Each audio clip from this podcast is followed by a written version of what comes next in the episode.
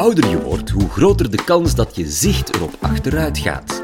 En ja, dat kan je verhelpen door een bril of lenzen te dragen. Maar wat als het probleem dieper ligt? Wat als er iets scheelt met je hoornvlies en een bril of lenzen het probleem niet zullen oplossen?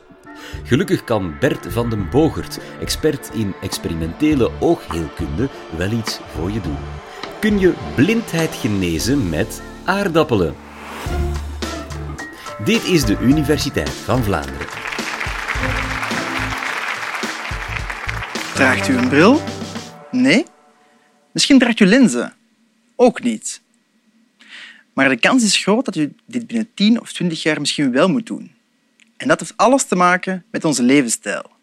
Want in dit digitale tijdperk kijken we veel te vaak en veel te lang naar kleine schermpjes die we te dicht bij onze ogen plaatsen.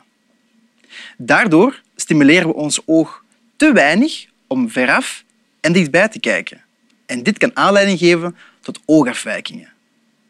In sommige Aziatische landen is de prestatiedruk in de maatschappij zo hoog dat mensen te lang in hun boeken lezen, te veel naar schermen kijken, dat bijziendheid er veel meer voorkomt dan in de rest van de wereld. Dus een kort advies, mensen. Neem op tijd en stond een pauze. Ga naar buiten en ruil je scherm in voor wat tijd buiten om je ogen genoeg te trainen en zo misschien wel een bril te voorkomen. Laten we kijken naar de opbouw van het oog. Licht valt binnen via het hoornvlies, wordt dan afgebroken naar onze lens, waarna zich dan een beeld vormt op het netvlies. Maar wat gebeurt er als je een afwijking hebt aan je hoornvlies? Als je hoornvlies te gekromd is, ben je bijziend. En mensen met bijziendheid zien objecten goed van dichtbij, maar minder goed veraf. En dat komt omdat het beeld niet op het netvlies gevormd wordt, maar voor het netvlies. Het is compleet andersom bij mensen met verziendheid. Daar wordt het beeld achter het netvlies gevormd en niet op het netvlies. En deze mensen kunnen dus objecten van ver goed zien, maar minder goed van dichtbij. En de oplossing hiervoor is een lens voor het oog te plaatsen die deze afwijkende kromming gaat compenseren. En dat zijn dan de bril en de contactlenzen. Een hele simpel maar efficiënte oplossing die al meegaat sinds de middeleeuwen, maar nog zeker een paar eeuwen extra zal doen. Maar wat moet je doen als de oorzaak van je slechtziendheid dieper in je oog ligt? Laten we eens gaan kijken naar de opbouw van het oog. En meer specifiek naar de voorkant van je oog, het hoornvlies. Dit is het venster van ons lichaam. Het is een volledig doorzichtig biologisch weefsel dat bestaat uit drie cellagen. Een epitheel, een stroma en een endotheel. En ik ga er misschien nu snel over, maar laten we eens even bij stilstaan. Dit is een volledig transparant biologisch membraan. Het wordt automatisch doorzichtig gehouden. Je merkt er niets van, terwijl er toch wel miljoenen levende cellen in zitten. Hoe geniaal is de natuur hier geweest? Maar hoe komt het dat het hoornvlies helemaal doorzichtig is? Want eigenlijk is het opgebouwd uit dezelfde bouwstenen als het wit van je oog. Maar het hoornvlies onderscheidt zich hiervan door zijn superstrakke organisatie. En daardoor valt het binnenvallende licht er zo vlotjes door tot aan het netvlies. Maar wat ook heel belangrijk is, is de vochtbalans van het hoornvlies. Wanneer er te veel vocht in het hoornvlies is, zal dit opzwellen en dit zal alsnog het invallend licht gaan verstrooien en dit leidt tot slechtziendheid bij de patiënt. Dus hoe wordt die vochtbalans helemaal gereguleerd in het oog? Dit wordt gedaan door de binnenste cellaag, de endotheelcellen. En die endotheelcellen die doen hun functie goed, maar wie weet zal er misschien iemand van jullie binnen 10 en 15 jaar wel een probleem hebben met je zicht omwille van deze cellen. Want ik heb misschien een paar minuten geleden gezegd hoe fenomenaal het hoornvlies misschien wel is in opbouw, maar er is toch wel een zwak punt, een Achilleshiel. Want deze endotheelcellen kunnen niet regenereren. Neem nu onze huidcellen. Wanneer je in je vinger snijdt, zal je gaan bloeden en zal er automatisch een heel wondhelingproces opgestart worden. En onder andere zullen ook cellen naast deze wonden gaan delen, gaan vermenigvuldigen om deze wonden te gaan opvullen. Het is die eigenschap die de endotheelcellen niet kunnen. Dus wanneer er een wonde is in de endotheelcellaag, kunnen de omringende cellen zich enkel een beetje gaan vergroten en verspreiden om dit defect te gaan opvangen. Dus wat betekent dit voor ons? We worden geboren met een groot aantal van deze cellen en dit daalt gestaag en zal voor weinig mensen problemen geven. Maar in specifieke gevallen zal dit wel zo zijn. Bijvoorbeeld tijdens oogoperaties, wanneer men per ongeluk met instrumenten tegen deze cellaag aantikt, is die beschadiging permanent. Maar in de meeste gevallen zal de beschadiging van deze cellen een gevolg zijn van de ziekte van Fuchs. Bij deze ziekte zal het weefsel op een microscopische schaal helemaal vervormd geraken, zodat deze cellen massaal zullen afsterven. Dat is dus helemaal permanent, want die cellen kunnen niet delen om er terug meer van te maken. En wat betekent dit voor de patiënt? Laat ons visualiseren.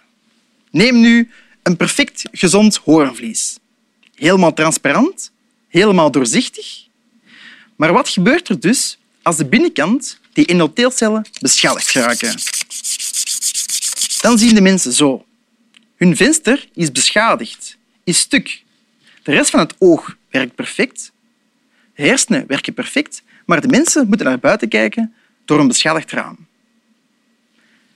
Betekent dit nu dat die beschadiging en dat het slecht zicht voor deze patiënten permanent is? Nee, gelukkig niet, want we kunnen een horenvliestransplantatie uitvoeren. En tijdens deze procedure gaan we met een haakje heel specifiek deze beschadigde of zieke cellen verwijderen.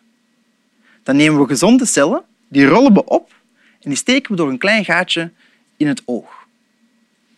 Dit weefsel ontrollen we en plakken we tegen het hoorvlies aan de binnenkant. En geweldig maar waar, binnen enkele maanden kan de patiënt terug perfect zien. Een heel technisch uitdagende procedure, dat kan je je wel voorstellen. En gelukkig hebben wij chirurgen die dit tot een perfect einde kunnen brengen. Maar er is ergens anders een probleem. Want die gezonde cellen die ik net aanhaalde, die zijn afkomstig van een donoroog, van overleden patiënten. En op dit moment zijn er wereldwijd te weinig van deze donorogen om alle patiënten te kunnen helpen. Dit donortekort is een resultaat van verschillende donorregistratiesystemen, per land verschillend. Sommige mensen hebben ook bezwaren, wegens religieuze of culturele redenen, om hun ogen af te geven en hun lichaam dus niet intact te begraven. Maar je hebt ook mensen die heel gemakkelijk zeggen je mag van mij alles hebben, buiten mijn ogen. Het orgaantekort kunnen wij biomedici oplossen. Want wij kunnen organen bouwen in ons labo. En voor deze toepassing heb ik donorogen genomen, de endotheelcellen hieruit gehaald en opgegroeid in het labo tot we honderdduizenden, dan wel miljoenen van deze cellen hadden. En dit zijn gezonde cellen. Die kunnen we gaan transplanteren in de patiënten, maar we hebben een membraan nodig waarop we deze cellen kunnen plaatsen en zo in de patiënt kunnen inbrengen. En dat is wel moeilijk, want je kan je wel voorstellen dat er een hele checklist is waaraan zo'n membraan moet voldoen. En wij hebben een nieuw membraan ontwikkeld samen met onze collega's van Gent. En dit membraan bestaat uit twee lagen, gemaakt van aardappelen en runderbotten. Want van die onderste laag hebben we aardappelen nodig. Daar kunnen we een polymelkzuur uit halen, een molecuul die gebruikt wordt om bioplastiek te maken. En die bioplastiek geeft stevigheid aan het stukje hoornvlies dat we namaken in het labo. Jullie hebben ongetwijfeld dat eens polymelkzuur in je handen gehad, want dit wordt ook gebruikt om biodegradeerbare drinkbekers te maken. Die tweede laag is gemaakt van gelatine dat we uit runderbotten halen. En die dient eigenlijk als de lijm om cellen op het membraan te plaatsen. Nu, dit complex van twee lagen membraan plus de cel daarop is eigenlijk exact het stukje hoornvlies dat vervangen moet worden bij de patiënten van eerder. Supercool, toch? Het is volledig bioafbreekbaar, het is niet giftig en het is volledig doorzichtig. Nu, zijn we zelf op het idee gekomen om dat hoorvlies na te bouwen in ons labo? Totaal niet. Want dat idee dat bestaat al sinds 1978. Het heeft 40 jaar geduurd om de juiste puzzelstukken bij elkaar te leggen en om van dit idee een echt concept te maken. Maar je moet dat een beetje in zijn tijdsgeest plaatsen. Want in 1978 moesten wetenschappers hun artikels nog schrijven op een tipmachine. Nu, 40 jaar later, is er zoveel wetenschappelijke vooruitgang dat we het effectief kunnen gaan waarmaken. Want neem nu die gelatines van daarnet. Dat zijn niet gewoon de gelatineblaadjes die we in de keuken gebruiken om pudding te maken. Nee, dat zou veel te zwak zijn. Materiaalwetenschappers hebben bijna op een chirurgische manier extra knopjes aangebracht op die gelatinemoleculen dat ze onder invloed van licht een hele sterke pudding kunnen maken. Of in ons geval een sterk biomateriaal om te gaan transplanteren. Je kan die vertraging tussen idee en realisatie best vergelijken met Da Vinci. Hij had in 1490 al het idee van een helikopter, maar het heeft geduurd tot het begin van de 20e eeuw voor de eerste prototypes kunnen opstijgen. Kunnen we blindheid genezen met aardappelen? Als het van mij afhangt wel. We moeten nog enkele veiligheidstesten en dierproeven doen, maar ik heb er alvast een goed oog.